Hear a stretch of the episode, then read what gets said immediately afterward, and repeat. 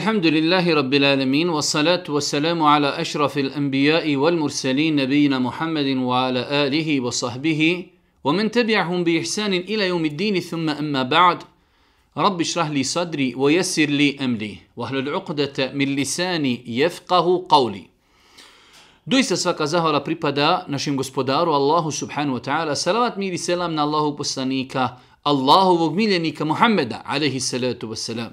njegovu časnu porodcu, njegove uzorte ashabe i sve ljude koji slijede put istine do sudnjega dana. Uvažena braćo, poštovani sestre, uvaženi gledatelji, evo nas u još jednu emisiju koju se družimo sa odabranim kuranskim ajetima. Vjerujem da velik broj vas zna da smo u mjesecu Ramazanu započeli sa ovim serijalom emisija i evo, elhamdulillahi rabbil alemin, skoro četiri petine E, Kur'ana smo mi već lagano prešli odabirući ajete prvo iz određenih džuzeva, nakon toga smo pre, prešli na drugu metodu, a to je da svako predavanje e, odabiremo ajete iz jedne suri. Rekli smo više puta da je cilj ovih predavanja da jednostavno ljudima koji možda nisu imali priliku nikada da čitaju prijevod Kur'ana, da jednostavno da im dostavimo, pojednostavimo kur'ansku poruku. Trudimo se prilikom odabira kuranskih ajeta da tu budu ajeti koji su nama u svakodnevnom životu potrebni, da su to ajeti sveobuhvatni i široki e, do te mjere da jednostavno to možemo skoro i nazvati kuranska pravila. Jednostavno ajeti toliko široki u svome značenju da se mogu smatrati kao određene smjernice i pravila za čovjekov život u svakodnevnom životu. Večeras uz Allahu svejno tala pomoć, družimo se sa surom Ešura. Ešura, konsultovanje, savjetovanje. Ova sura je 42. sura, onako kako se danas sure nalaze u mushafu koji je e, prisutan kod nas, 42. sura, po rasporedu sura, onako kako su sure poredane danas u mushafu. Ova sura je 62. sura objavljena Božijem poslaniku, alihi salatu wasalam, objavljena je nakon sure El Kehf, a nakon nje je objavljena, objavljena sura Ibrahim. Ova sura je također jedna od sura koji su objavljene u Mekki i ima 53 ajeta. Sama činjenica da ova sura je sura objavljena u Mekki opet nas vraća na onu poznatu našu temu, a to je da velika većina ajeta objavljenih u Mekki govori o Allahu, o proživljenju, o sudnjem danu, o džennetu, o džehennemu. Znači jednostavno to su ajeti odgojnog karaktera. Kada je Allah poslanik učinio hijđru, jednostavno i koncept objave se promijenio, jednostavno jer su uvjeti bili potpuno drugačiji. E, ova sura, ova sura neki za nju kažu da se zove sura Tušura, sa znači određenim članom ešura, a neki opet kažu da je i šura, sura, šura, bez el.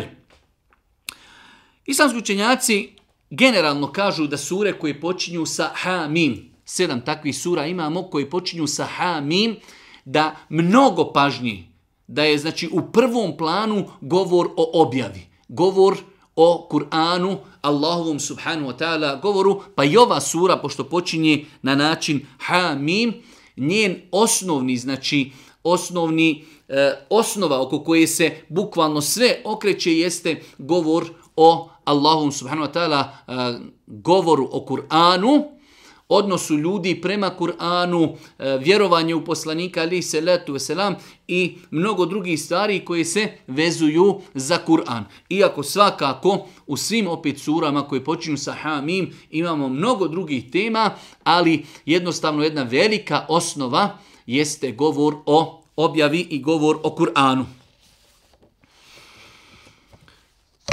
Kaže uzvišeni Allah subhanu wa ta'ala u prvom i drugom ajetu ove sure Ha Mim, Ain, Sin, Qaf.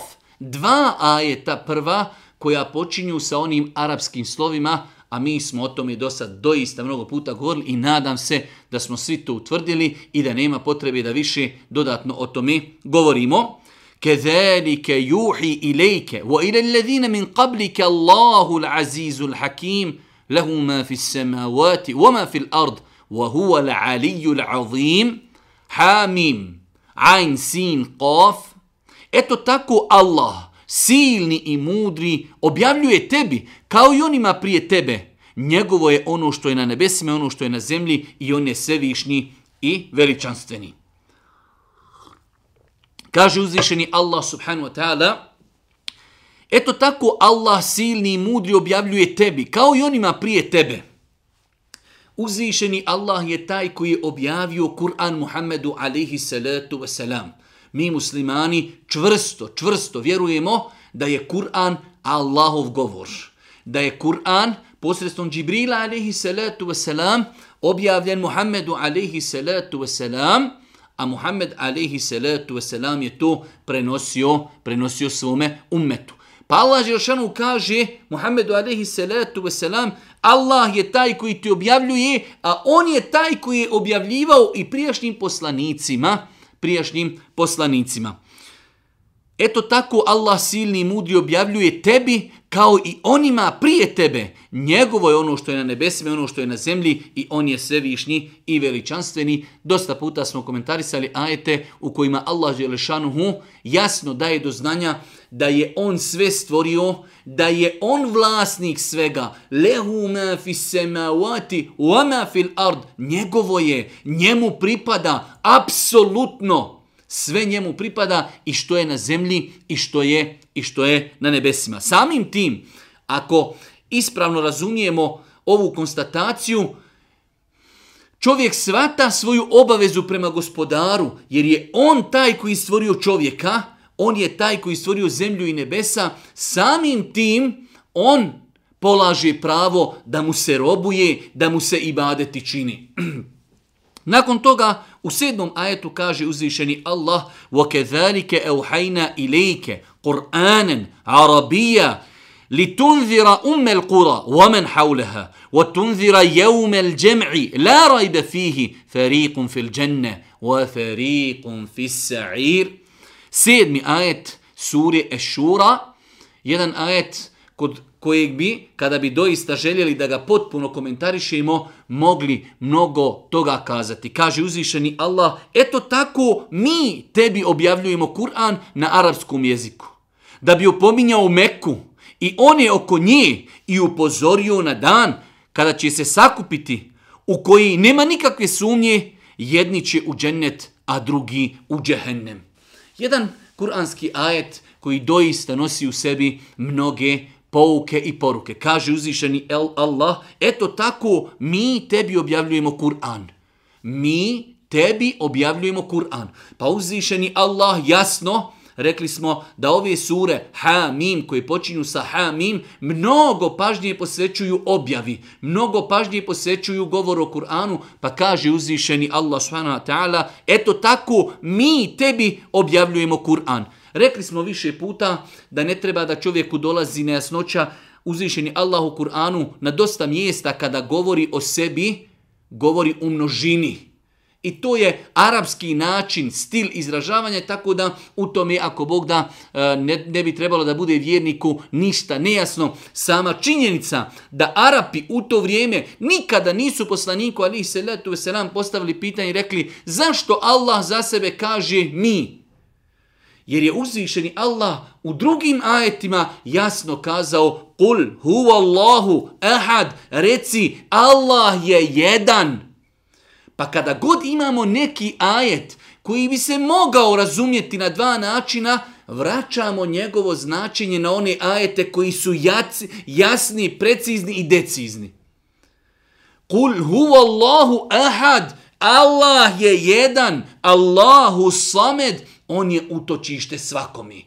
Pa znači, ovo je samo e, stil u arapskom jeziku. Allah Đeršanu govori o sebi u množini pa kaže, eto tako, mi tebi objavljujemo. Pa je Allah taj koji objavio Kur'an Muhammedu ona priča, e, Kur'an je prepisan iz Biblije, iz Tevrata, e, Kur'an je napisao Muhammed, to su toliko, toliko e, otrcane, otrcane poštapalice koje, u koje mala dječica, u mala dječica, ne vjeruju, nažalost, Dosta se puta mogu takve stvari čuti od ljudi koji za sebe kažu da su akademski obrazovani, Kur'an je napisao Muhammed ili nešto slično tome. Pa kaže uzvišeni Allah, eto tako mi tebi objavljujemo Kur'an na arapskom jeziku. Uzvišeni Allah subhanahu wa ta'ala kao stvorite zemlje i nebesa, kao sveznajući, znao je zašto je Kur'an objavljen na arapskom jeziku. Jer je Kur'an, jer je arapski jezik najpotpuniji, najsavršeniji, najsavršeniji jezik na svijetu. Apsolutno. Apsolutno. Pa kaže uzvišeni Allah, mi ga objavljujemo na arapskom jeziku. Mi muslimani se vezujemo za arapski jezik zbog Kur'ana.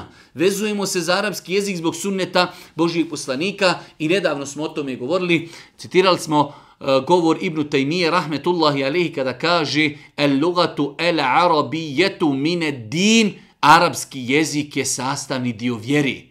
Spoznaj arapskog jezika je obaveza jer je nemoguće razumjeti Kur'an i sunnet Božijeg poslanika osim spoznajom arapskog jezika. A sve što nam je potrebno da bi se upotpunio neki vađib ili obaveza, samo ono postaje obaveza mi da bi razumjeli Kur'an i sunnet. A to nam je obaveza, potreban nam je arapski jezik. Samim tim i arapski jezik nam postaje i arapski jezik nam postaje obaveza, pogotovo kada su u pitanju učenjaci, ulema, ljudi koji e, ostalim ljudima tumače vjeru, prenose vjeru, predvode ljudima u namazu e, i te kako bi trebali da poznaju arapski jezik, jer sve knjige osnovne, temeljne knjige Islama, iz fikha, iz akide, iz usula, iz tefsira i svi ostali znanosti, sve je to napisano u osnovi na arapskom jeziku. Eto tako mi tebi objavljujemo Kur'an na arapskom jeziku. Da bi, opomi, da bi opominjao Meku i one oko nje. Da bi opominjao Meku. Dolazi ovdje izraz Umul Kura. Umul Kura, odnosi se da bi opominjao Umul Qura, da bi opominjao Meku, وَمَنْ حَوْلَهَا I one koji su oko nje, pa kažu islamski učenjaci da se to odnosi i lijevo i desno, istočno i zapadno, znači odnosi se na cijeli svijet. Kur'an ti je objavljen na arapskom jeziku da bi upozorio i pozvao Allahu stanovnike Mekke i onda dalji, dalji. Nedavno smo govorili kada smo, eh, kada smo komentarisali jednu od sura, pa smo govorili eh, o ajetima koji jasno ukazuju da je Muhammed alihi salatu wasalam poslan cijelom čovječanstvu. Muhammed alihi salatu wasalam je poslan cijelom čovečanstvu, neispravna je tvrdnja ili teorija ili teza da je Muhammed alihi salatu wasalam samo poslan Arapima. Ne, Allahu poslanik alejhi salatu ve selam je pečat svim poslanicima. Njegova poslanica Kur'an derogirala je, derogirala je sve prijetodne poslanice Muhammed alejhi salatu ve selam kao posljednji poslanik. Jedna od njegovih odlika jeste da ga je uzvišeni Allah poslao cijelom čovječanstvu. Zato je došlo u vjerodostojnim hadisima da Allah poslanik alejhi salatu ve selam kazao: "Neće čuti za mene niko." niti kršćanin, niti židov i ne povjerovati u mene i umre nakon toga, a da neće biti stanovnik vatri. Znači, u sadašnje vrijeme ljudi na planeti imaju samo jednu opciju, a to je da vjeruju u Muhammeda, alaihi salatu wasalam, kao vid satisfakcije ljudima koji su vjerovali u nekog drugog poslanika. Pa kada su čuli za Muhammeda, prihvate i vjeruju u njega i ono čime on došao, Allah poslani kaže za njih, oni će imati duplu nagradu. Imaće duplu nagradu jer su vjerovali u jednog poslanika, pa kada su saznali, kada su spoznali da im je obaveza da slijedi Muhammeda alihi salatu wasalam, pa su se pokorili tome, oni će imati, oni će imati duplu nagradu. Pa kaže uzvišeni Allah, da bi opominjao Meku i oni oko njih, i upozorio na dan kada će se sakupiti, u koji nema nikakve sumnje.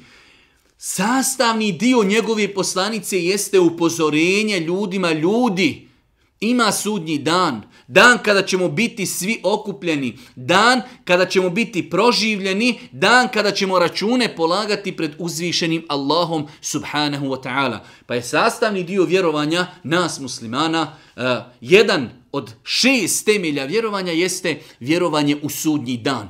Mi muslimani vjerujemo da ćemo biti nakon smrti proživljeni, nakon toga da ćemo veoma teške i precizne račune polagati, nakon toga biti ili nagrađeni ili, ne daj Bože, kažnjeni. Pa kaže uzvišeni Allah, upozorio na dan kada će se sakupiti u koji nema nikakve sumnje, jedni će u džennet, a drugi u džehennem. To je kraj. Kaže uzvišeni Allah subhanahu wa ta'ala Fariqum fil dženne wa fariqum fil sa'ir Jedna skupina ljudi će u džehennem, a jedna će u džennet. Jedan ajet, jedan ajet koji je izuzetno težak.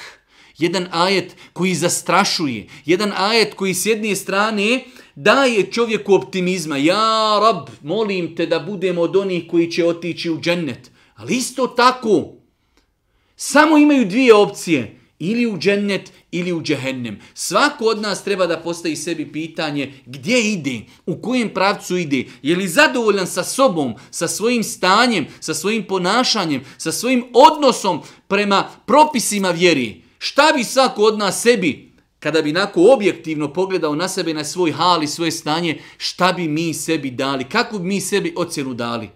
koliko vjerujemo, koliko radimo, koliko se čuvamo grijeha i tako dalje. Šta mi zaslužujemo? Nema treće opcije, džennet ili džehennem. Pa je ovo jedan doista, doista sveobuhvatan ajet, sedmi ajet sure Ešura.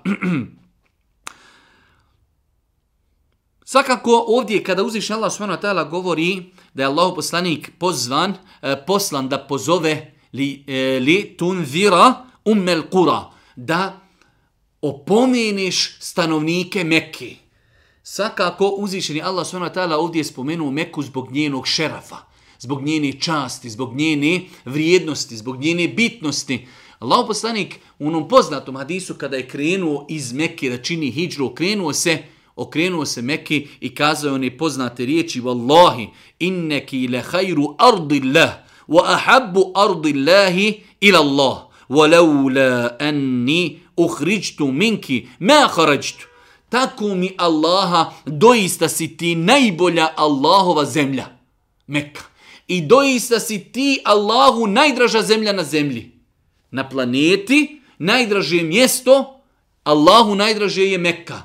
Kaže da me ljudi nisu istjerali, ne mogu više tu da živim, nikada iz tebe ne, ne bi izašao pa je znači e, tačno da je Meka najbolje mjesto na planeti i da je to najdraže mjesto Allahu subhanahu wa ta'ala.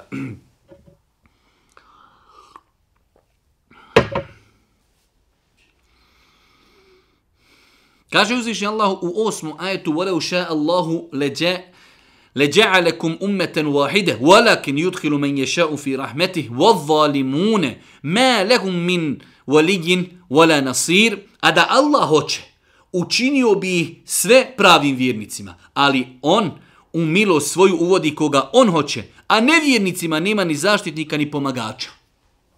Allahova svanu ta'ala mudrost je da je mogao ljude stvoriti. On samo kaže, budi ono, budi. Allah Đelšan da je htio, mogao je da samo kaže, stvorit ću ljude koji će svi vjerovati u Allaha. Svi će biti pokorni, svi će biti pobožni. Ne stvorio je ljude, stvorio je ljude i ostavio im je slobodnu volju. On daje uputu onome koje istinski želi, onome u čijem srcu vidi iskreno za uputom. Allah Želšanu neće nikome zulum učiniti. To je, e, znači, apsolutno nemoguće da uzvišeni Allah nekome učini zulum. Kada uzvišeni Allah vidi iskrenost u srcu nekog svoga roba, Allah će ga uputiti na način kako on zna i hoće.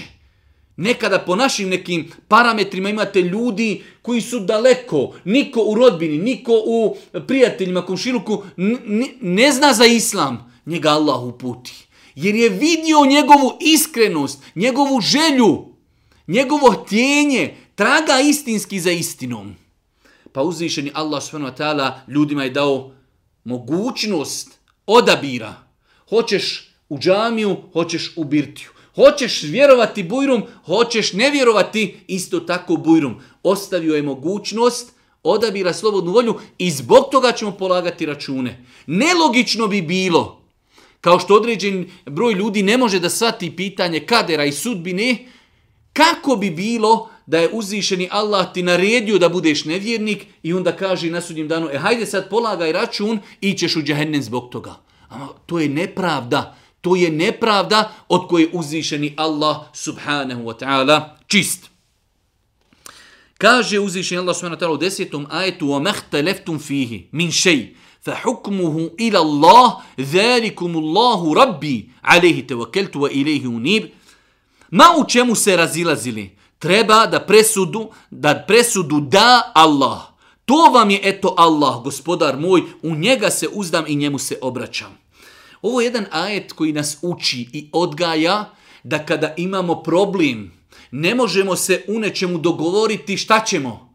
Kaže uzvišeni Allah, وَمَحْتَ لَفْتُمْ فِيهِ مِنْ شَيْ U bilo čemu da se raziđete, ne možete se dogovoriti, ne možete naći zajedničku riječ, vratite to Allahu.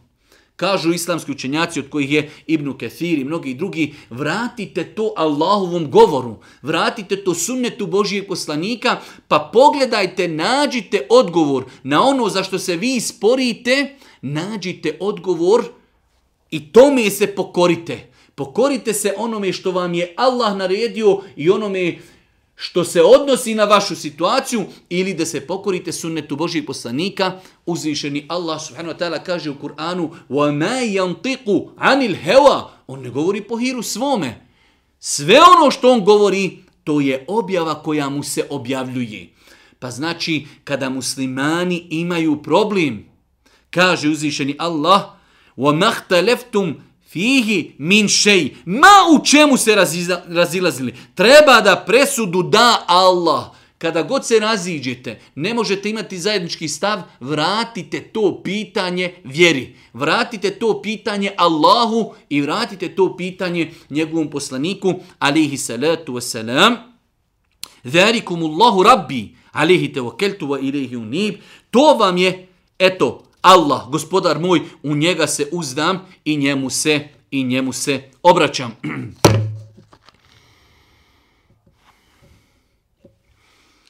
Nakon toga u 11. i 12. ajetu suri Ešura kaže uzvišeni Allah fatiru semavati wal ard.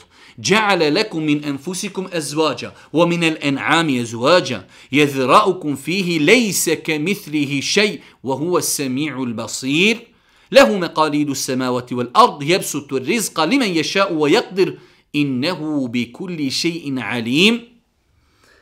Jedan ajet koji smo opet spomenuli zbog jednog dijela samo, a to su riječi uzvišenog Allaha, lejse ke mitlihi šej, wa huwa sami'u basir.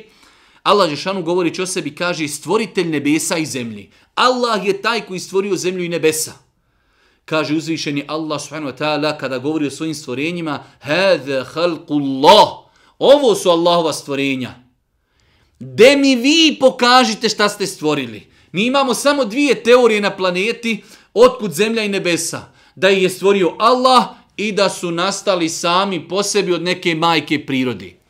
Da su nastali sami po sebi ili da ih je stvorila neka majka priroda, u to vjeruju samo čak ne vjeruju ni mala djeca, ostaje samo jedna opcija, jedna mogućnost da je to sve stvorio uzvišeni Allah. Ne postoji još niko na planeti da tvrdi da je on to sve stvorio. A uzvišeni Allah jasno u Kur'anu kaže Fatiru semavati wal ard.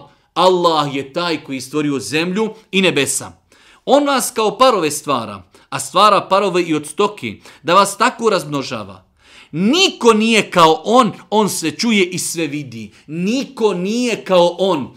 To je jedno veliko pravilo, uzvišeni Allah subhanahu wa ta'ala u svemu je savršen. Može se desiti da neko od Allahovi stvorenja ima, znači da se potrefi, da izraz je samo isti. Pa da kažemo čovjek čuje, Allah čuje. Čovjek vidi, Allah vidi. Samo jezički, ali svako Allahovo ime je savršeno. Svako Allahovo svojstvo je savršeno. Ovo je mnogo bitno. Leji se ke mitrihi šeji. Ništa nije kao on. Niti u njegovom biću, niti u njegovim postupcima, niti u njegovim imenima, niti u njegovim svojstvima. Ni u čemu niko ne liči uzvišenom Allahom. وَهُوَ السَّمِيعُ الْبَصِيرُ On je taj koji sve vidi i on je taj koji sve čuje. Bilo je u historiji muslimana određenih i sekti i određenih muslimana koji su se bojali pripisati Allahu te barake wa ta'ala nešto čime se uzvišeni Allah subhanu wa ta'ala opisao bojeći se da Allaha uporede i poistovijete sa njegovim stvorenjima. Ali e, samo ako shvatimo ovu, e, ovo pravilo, završili smo sve nejasnoće. Može insan ili stvorenje neko imati samo ime, samo imenicu da se ona podudara sa uzvišenim Allahom subhanahu wa ta'ala, ali u značenju nikako. Pa ako Allah Đelčanu za sebe kaže da ima ruku, mi kažemo ima ruku, ali ta ruka lejse ke mitlihi šeji. Şey. Nije ruka ne liči nikakvoj ruci od njegovih stvorenja. Nikakvoj. Niko njemu ne liči. Allah je taj koji sve čuje i sve vidi. Pa je mnogo, mnogo bitno. Kao što se može desiti kod stvorenja. Je li isto lice kada kažemo lice čovjeka i lice, evo ne daj Bože da kažemo lice neke životinje. Zar nema životinja lice? Ima. Ako kažemo lice životinji, lice čovjek, je li to isto? Isto tako, ako mi Allahu Đelešanu pripišemo nešto, to ne znači da smo ga uporedili sa nečim. Allahovo lice, da li mi time kažemo Allahovo lice kao lice njegovih stvorenja? Apsolutno. Lej se ke mitlihi šej. Nista nije kao on. Niti u imenima, niti u svojstvima, niti u njegovom biću, niti u njegovim, znači imenima, niti svojstvima, niti postupcima, niti u njegovom izgledu i njegovim, njegovom biću. Allah subhanu wa ta'ala je savršen i potpun u svemu, dok mi smo u svemu, u svemu smo ograničeni, u svemu smo krnjavi. Mi kada kažemo čovjek čuje, čovjek čuje 5, 10, 15 metara, već 100 metara ne čuje. Čovjek vidi, vidi na 5, 10, 20, stotinu metara, nakon 3 kilometra, ne vidi. Pa smo mi u svemu ograničeni, mi smo krnjavi, naš razum i tako dalje, naša snaga, naša mogućnost, uzvišeni Allah u svemu je savršen. Uzvišeni Allah subhanahu wa ta'ala u svemu je savršen u svojim imenima i svojim svojstvima, pa je ovo jedan veliki ajet – na kojih se učenjaci akide mnogo, mnogo vraćaju kada govori o Allahim subhanahu wa ta'ala imenima i svojstvima, jer je znači sastavni dio vjerovanja u Allaha da vjerujemo da postoji, da vjerujemo da je gospodar zemlje i nebesa, da je on sve stvorio, da se ništa ne može desiti u kosmosu bez njegove dozvole, da je on taj koji zaslužuje da mu se čine i bade ti takozvani et tauhid el uluhije, da je on rab, odnosno da je on e, bog koji zaslužuje da mu se i badeti čine, i na kraju četvrti dio, da vjerujemo da Allah postoji, da je on stvorio zemlju i nebesa, da se samo njemu i badeti čine i da on ima lijepa imena i svojstva koja su apsolutno savršena. To što e, određeno svojstvo našeg gospodara samo jezički, nalazimo u nekim drugim njegovim stvorenjima, nikako ne znači da smo time uporedili našeg gospodara sa njegovim stvorenjima. Leji se ke mislihi šej, ništa nije kao on, vahuva se mi'u el basir, a on, a on sve čuje i sve vidi.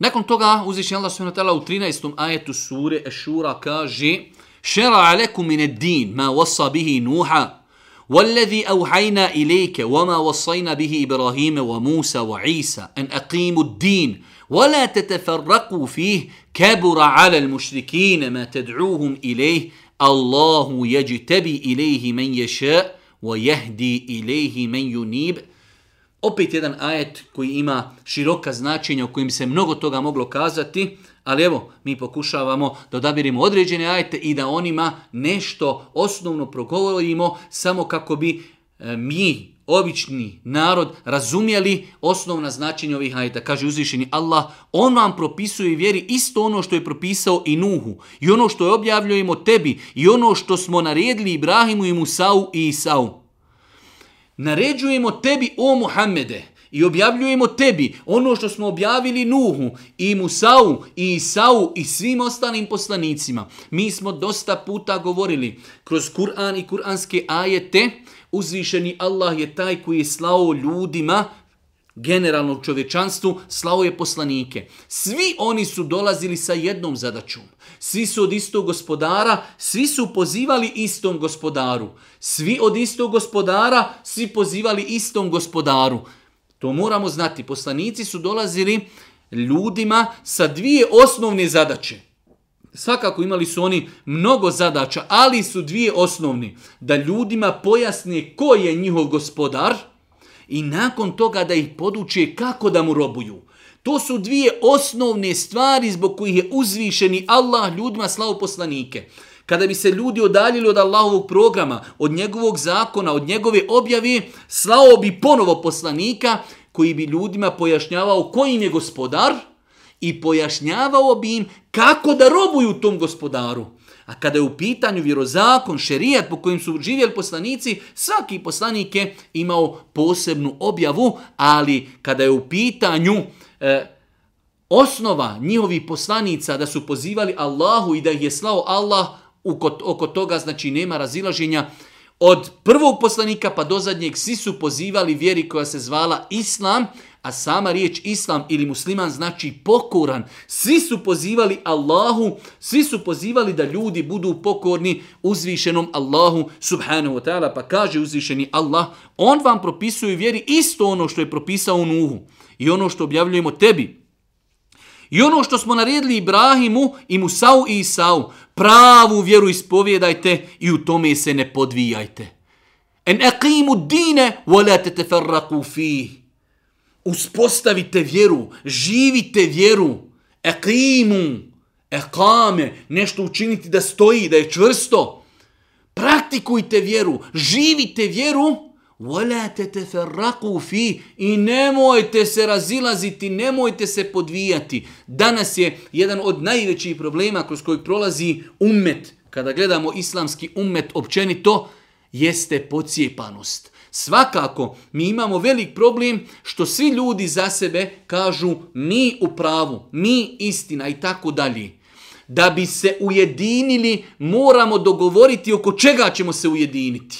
Hajmo se ujediniti oko Kur'ana i sunneta Božih poslanika, alihi salatu wasalam, vidjeli smo malo prije u ajetu, kada god se oko nečega raziđete, vratite to Allahu. Ljudi kažu mi na istini, A ti dođeš kod njih, u njihovim principima, u životima, toliko stvari koji su kolizi sa islamom. I onda kažu, ko hoće, budu s nama. Ne možemo s vama. Kako ćemo s vama kad vi ne idete putem koji od nas traži naš gospodar? Pa kaže, voljate te farlaku u fihi, nemojte se cijepati, podvijati, razilaziti. Gdje ćemo se vratiti? Šta će nas ujediniti? inne dine inda Allahi l-Islam. Kod Allaha jedina vjera je Islam onako kako je vjeru propagirao Muhammed alihi salatu wasalam i onako kako su je shvatile njegove prve najbolje generacije Islama. Jer je Boži poslanik u irodostojnim hadisima kazao najbolja generacija i najbolje stoljeće je moje, pa oni koji dođu posle njih i oni koji dođu posle njih. Pa kada god nam nešto nije u vjeri jasno, vraćamo to Kur'anu, vraćamo to sunnetu i vraćamo to kako su to razumjele prve generacije. Mnogo bitno da vjeru vraćamo onako i onome čemu, kako su je razumjele prve generacije. Pa kaže uzvišeni Allah, pravu vjeru ispovijedajte i u tome te nemojte podvijati. Pa je ovaj ajet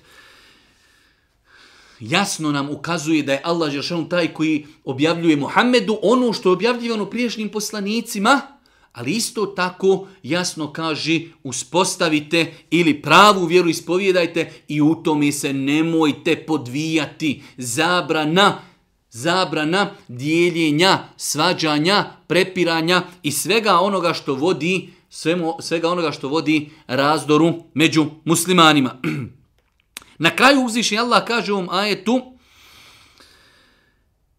Allah odabira za svoju vjeru onoga koga on hoće i upućuje njemu onoga komu se iskreno obrati. Ovo je mnogo bitno. Allah njemu upućuje onoga komu se iskreno obrati. Kada vidite čovjeka iskren i on između sebe i Boga kaže u samoći Ja Rab, pokaži mi put istini. Ja Rab, pokaži hoću da prihvatim put istine, Allah će mu pokazati put istine. Pa da se pokaže njegova iskrenost. Imate danas ljudi koji tvrdi, tragaju istinu. I onda kada dođe, pogleda, evo ti dokaz istine, e znaš šta je, moji predaci nisu na tome bili. Ne, to je već dokaz da insan nije iskren. Onaj koji iskreno traži istinu, Allah Đelešanu će ga uputiti, uputit će ga na put Islama i podarit će da se njegovo srce otvori i da prihvati, da prihvati istinu.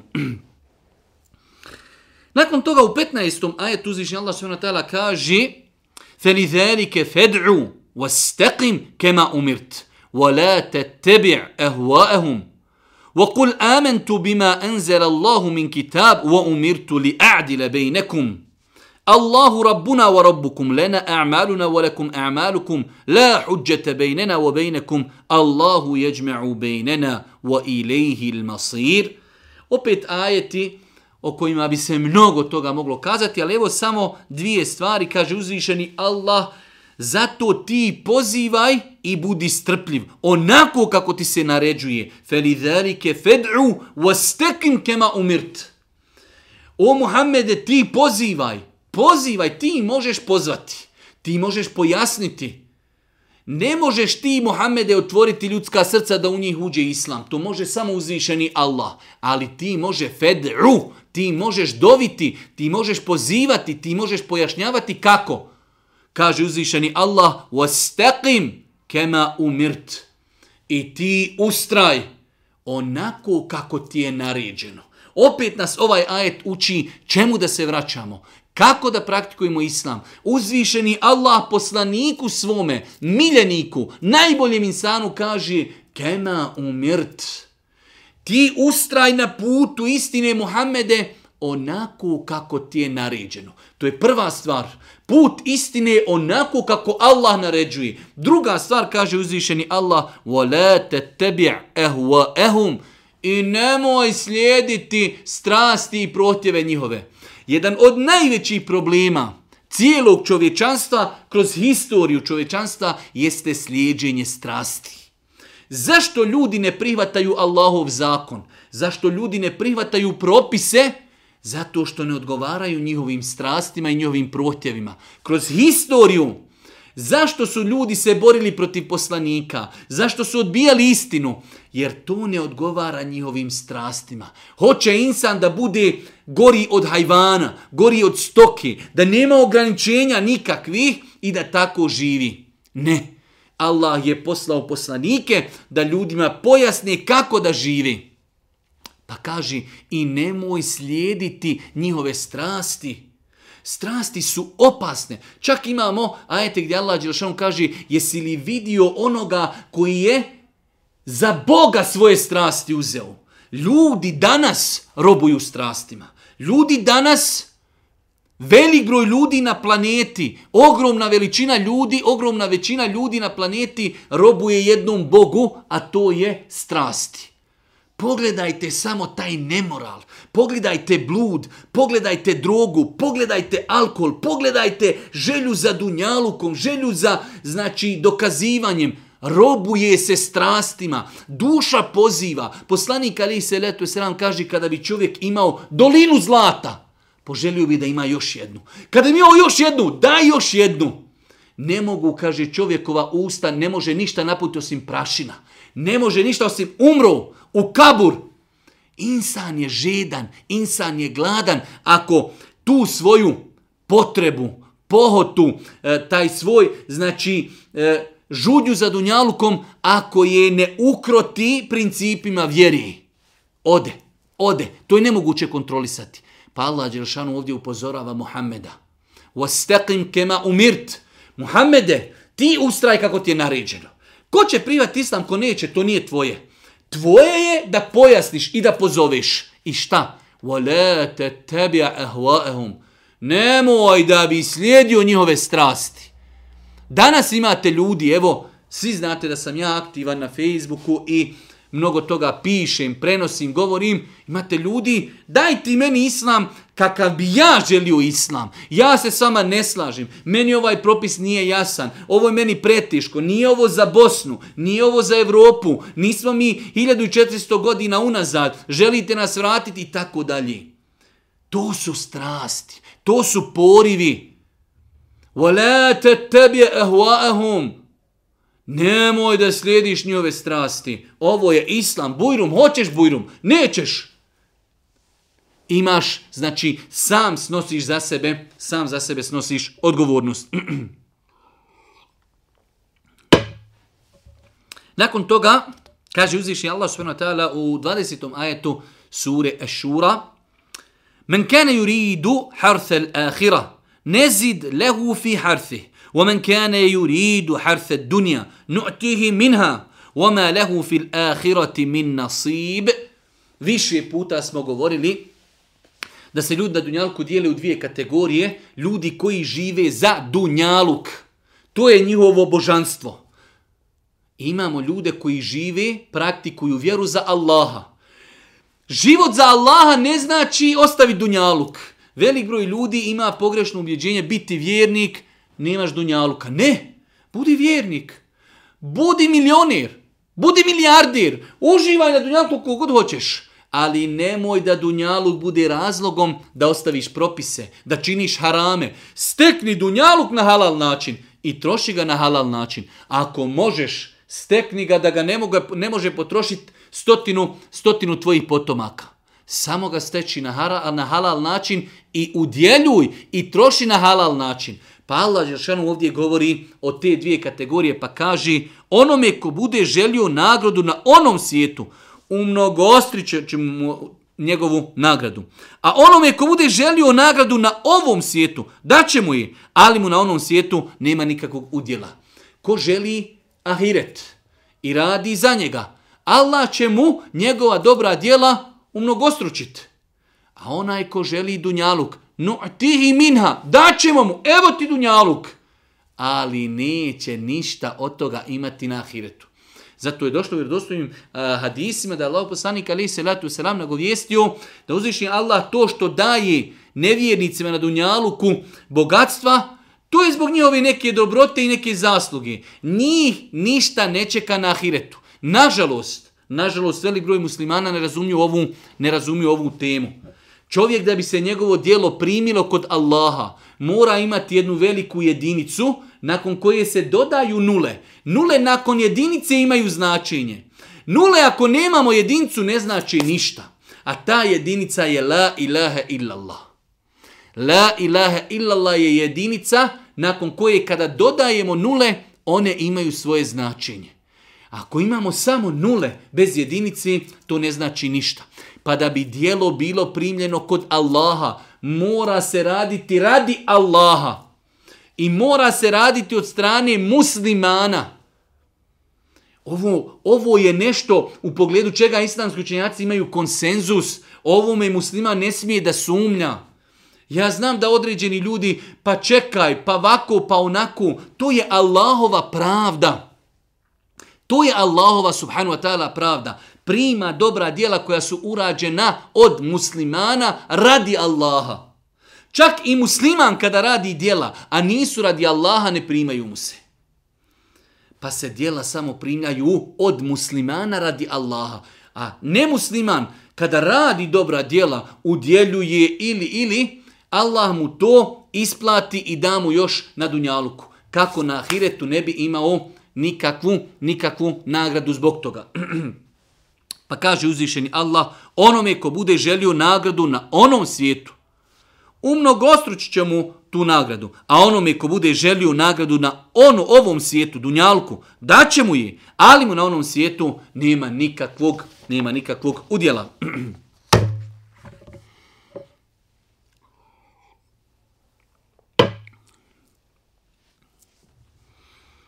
Nakon toga u 21. ajetu opet jedan veliki ajet koji muziši Allah s.w.t. kaže em lehum šuraka šara'u lehum min din ma lem je'zen bihi leh ولولا كلمة الفصل لقضي بينهم وإن الظالمين لهم عذاب أليم زر oni da imaju bogove koji im propisuju da vjeruju ono što Allah nije naredio da nije riječ prije izrečenije među njima bi već bilo presuđeno, a nevijednike doista čeka patnja nesnosna.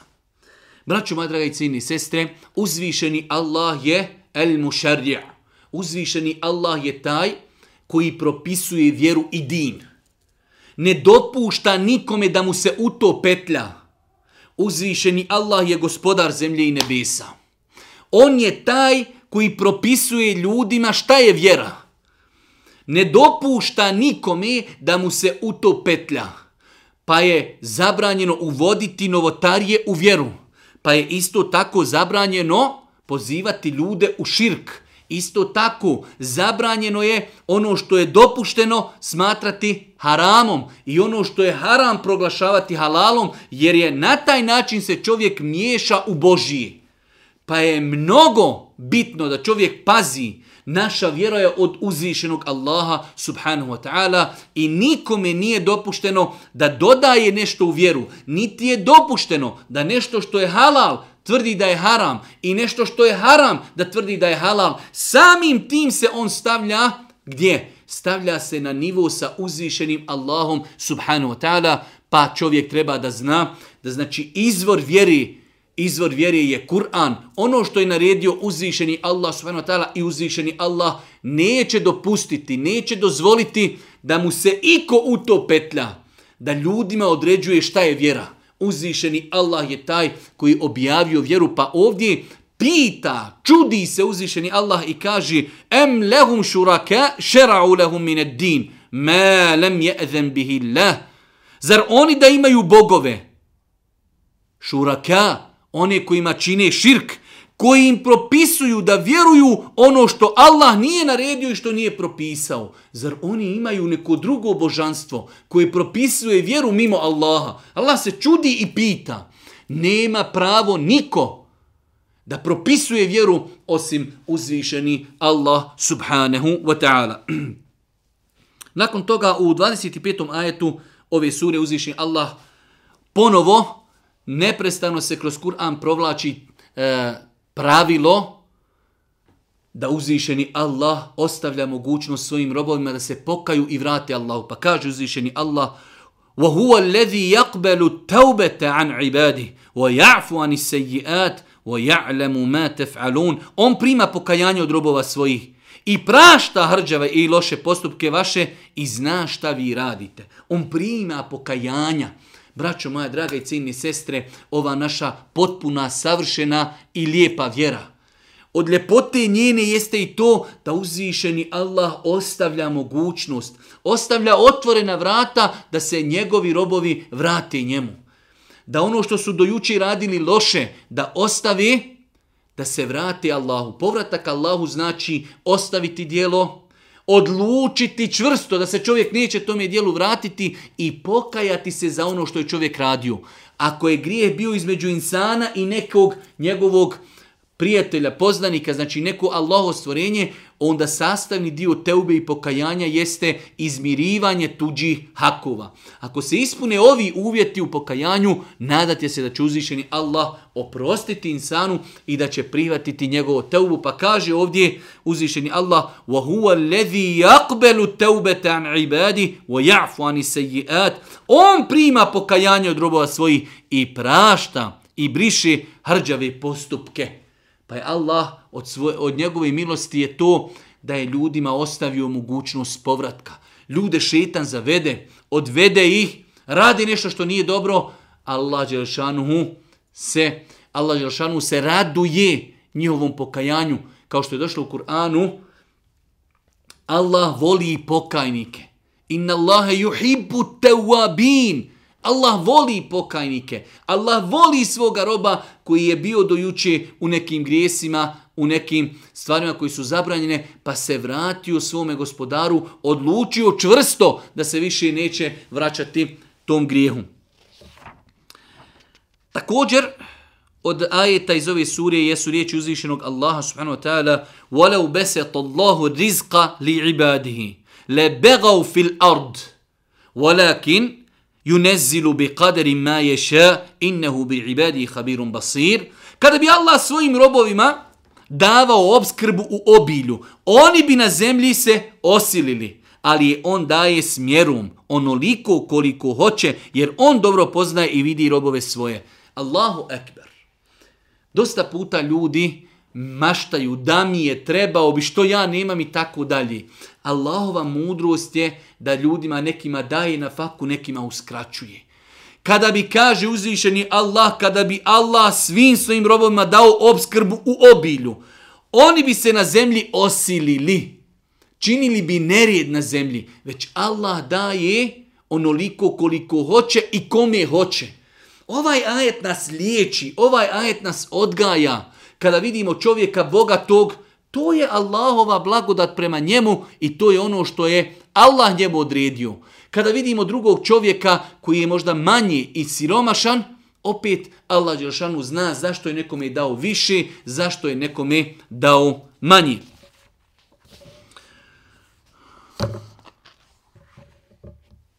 Kaže uzvišeni Allah u 36. ajetove sure, Fema utitum min šej, femeta ul hajati dunje, vama inda Allahi hajrun wa erqa, lilladine amenu wa ala rabbihim je tevekelun. Sve što vam je dato, sve što imate na dunjalku, samo je uživanje u životu na ovom svijetu.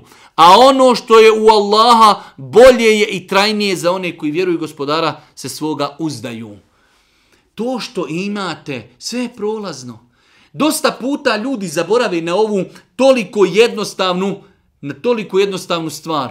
Allah Đeršanu i napominje, sve što imate, kuća, auto, zdravlje, imetak, sve je prolazno. Ode zemlja dva metra kvadratna i ništa ne nosiš sa sobom. Ono što je kod Allaha bolje je i trajnije, vječno. Pa je najveći gubitnik onaj koji vječni ahiret proda za prolazni dunjaluk. Pa je ovo, znači, jedna napomena uzvišenog Allaha subhanahu wa ta'ala njegovim robovima, pa kaže فَمَا أُوْتِيْتُمْ مِنْ شَيْءٍ فَمَتَاءُ الْحَيَاتِ دُنْيَا وَمَا عِنْدَ اللَّهِ خَيْرٌ وَأَبِقَا Sve što vam je date, sve što vam je date, samo je uživanje u životu na ovom svijetu. A ono što je Allaha bolje je i trajnije je bolje je hajrun wa ebqa i duže će trajati vječni ahiret. Pa je najveći gubitnik onaj koji prolazni, odnosno vječni dunjaluk izgubi zbog prolaznog, zbog prolaznog dunjaluka.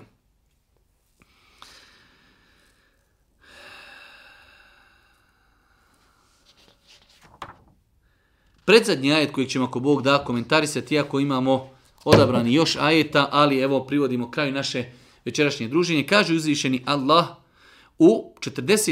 i 50. ajetu govori nam o jednoj veoma bitnoj stvari, a to je davanje potomstva ljudima. Uvijek su ljudi kroz historiju maštali, čovjek kada je mlad, ženi se, mašta da ima potomstvo, pa mašta da ima i muške djece i ženske djece, pa uzvišeni Allah to pitanje pojašnjava jasno da bi ljudi, znači vjernici, prihvatili taj propis. Uzvišen Allah kaže Lillahi mulku semavati wal ard Jehluku ma ješa Jehebu li men ješa u inatha Wo jehebu li men ješa u dhukur Au yuzawijuhum dhukranen wa inatha Wo jeđalu men ješa u aqima Innehu alimun qadir Uzvišen Allah kaže govori da postoji četiri vrste ljudi na Dunjaluku u pogledu potomstva. Imaju ljudi koji imaju muško potomstvo. Imaju ljudi koji imaju žensko potomstvo. Imaju ljudi koji imaju i muškog i ženskog potomstva i imamo četvrtu kategoriju koja nema potomstva. Ali je to sve opet od Allaha i Allahova odredba. Pa kaže uzvišeni Allah, Allahova je vlast na nebesima na zemlji. On stvara šta hoće. Ovo je ključ. Kaže uzvišeni Allah subhanahu wa ta'ala jahluku ma yasha. On je taj koji stvara šta hoće. Nikomu se u to ne miješa. On je taj koji daje potomstvo kom je hoće. Pa pojašnjava uzvišeni Allah pa kaže on poklanja žensku djecu kom je hoće. La ilaha illallah. Počinje sa ženskom djecom. Ali počinje sa terminom poklanja. Djeca su poklon. Poklon. Imate i danas kod nas ljudi koji imaju genetiku, imaju genetiku tamo neku od predislamskih Arapa koji su se ljutili i srdili kada bi im žena rodila žensko dijete do te mjeri kao što i opisuje Kur'an, da bi crnog lica stidili se izići na ulicu kada im žena rodi žensko dijete. Do te mjeri da su žensku djecu živu zakopavali. Allahu ekber. Allah ovdje kaže jehebu. Jehebu poklanjati Allah žensku djecu. Pa kaže uzvišeni Allah ima ljudi kojima on poklanja žensku djecu. Pa su djeca poklon. Ženska djeca su poklon. Pa kaže dalje, a kome hoće da je mušku poklanja djecu? Ili ima, ili im daje i mušku i žensku, a koga hoće učini bez poroda. Imamo ljude koji imaju mušku djecu, imaju, imamo ljude koji imaju žensku, imamo ljude koji imaju i mušku i žensku, a imaju ljudi koje Allah ostavlja bez poroda. Znam da je to teško prihvatiti, ali čovjek koji vjeruje u Allaha subhanahu wa ta'ala treba da se srcem vezuje za Allaha.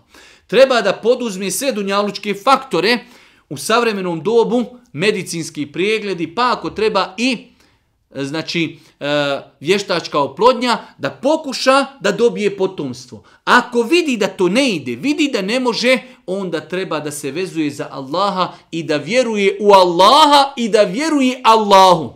Ovo je bitno. Vjerujem u Allaha i vjerujem Allahu. Vjerujem da on daje ono što je najbolje za mene.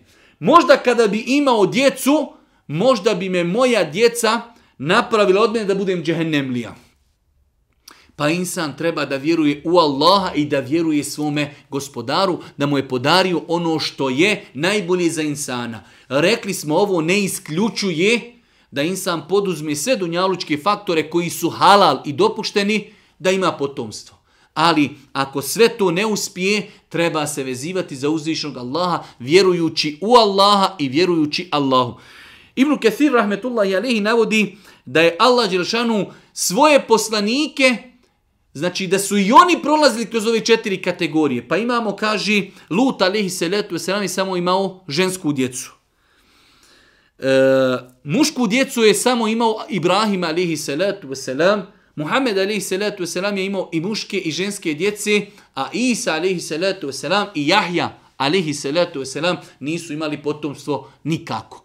Pa je znači, U kojoj god si kategoriji treba da znaš prije tebe je bilo Allahovi poslanika koji su bili u toj kategoriji. Nemoj da se ljutiš na Allaha i na kader ako ti je dao samo mušku djecu.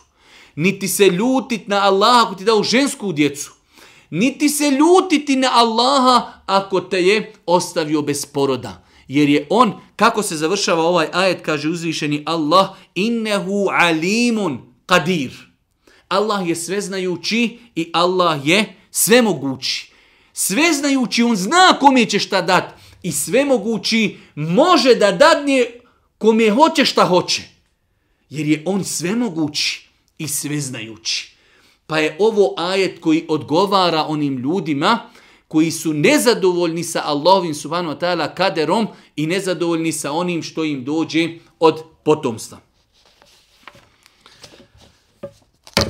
Zadnji ajet koji ćemo komentarisati, a ujedno i to su posljednji ajet iz ove sure, 52. 53. ajet iz sure Ešura, kaže uzvišeni Allah wa kezalike uhajna ilike ruhan min emrina.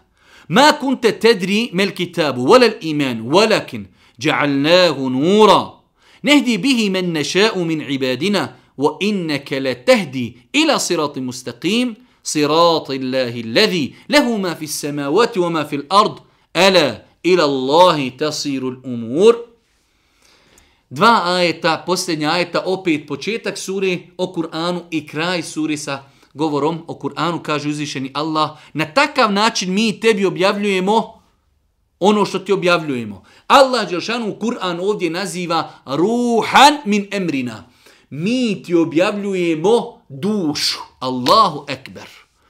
Allah Đelešanu objavu naziva ruh. Ruh je duša. Mi ti objavljujemo objavu koja je duša. Čini čovjeka nakon što prihvati vjeru i nakon što uzvjeruje, nakon što je bio medjit, on dobiva dušu.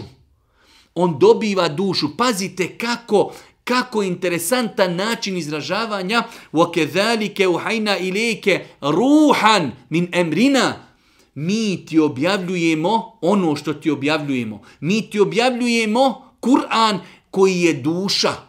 Kao što navode Mufesiri, Šeh Esadi i mnogi drugi, kada to komentarišu pa kažu da je Kur'an duša za tijelo, da je Kur'an duša za naše srce i tako dalje. Da iz Kur'ana proizilaze dunjalučke i ahiretske koristi. Pa kaže uzvišeni Allah, ti nisi znao šta je knjiga, niti si poznavao vjerske propise, ali smo je mi učinili svjetlom pomoću kojeg upućujemo one robove naše koje želimo.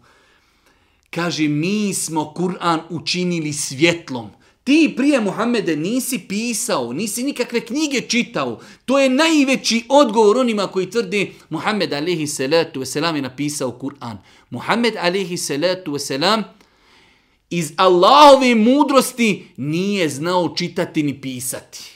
Baš kako bi se moglo odgovoriti onima koji tvrde da je Muhammed alaihi salatu wasalam pisao Kur'an, on nikada znao čitati nije, ni pisati nije. Ali Allah opisuje Kur'an pa kaže وَلَكِنْ جَعَلْنَاهُ نُورًا نَهْدِي بِهِ مَنْ نَشَاءُ مِنْ عِبَادِنَا Ali mi smo učinili tu knjigu svjetlom, pomoću kojeg upućujemo one robove naše koje želimo. A ti zaista upućuješ na pravi put. A ti upućuješ na pravi put, ti ljudima pojašnjavaš istinu. Rekli smo da postoje dvije vrste upute.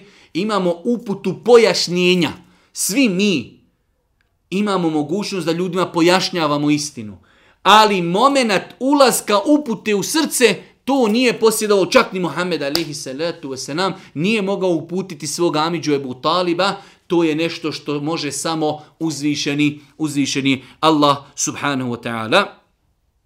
Pa ovaj ajet nam jasno pokazuje i govori o Kur'anu. Allah Đeršanu ga ovdje naziva ruh, da je on duša. Da je duša, insan koji ne slijedi Kur'an, ne živi po Kur'anu, je kao mejit. Nema duši. A nakon toga uzvišeni Allah Kur'an opisuje i kaže وَلَكِنْ جَعَلْنَاهُ نُورًا نَهْدِ بِهِ مَنْ نَشَاءُ mi smo ga učinili da bude svjetlo putem kojeg mi upućujemo na put istine koga hoćemo. Allah Žešanu molimo da nas uputi na pravi put, da nas učesti na pravom putu, da nam istinu pokaže istinom i da nam olakša i omili njeno sljeđenje, a da nam neistinu pokaže neistinom i da nam omrazi njeno sljeđenje. Subhaneke Allahumma da bihamdike, ešhedu en la ilaha ilan stakfiruke, wa etubu ilaik.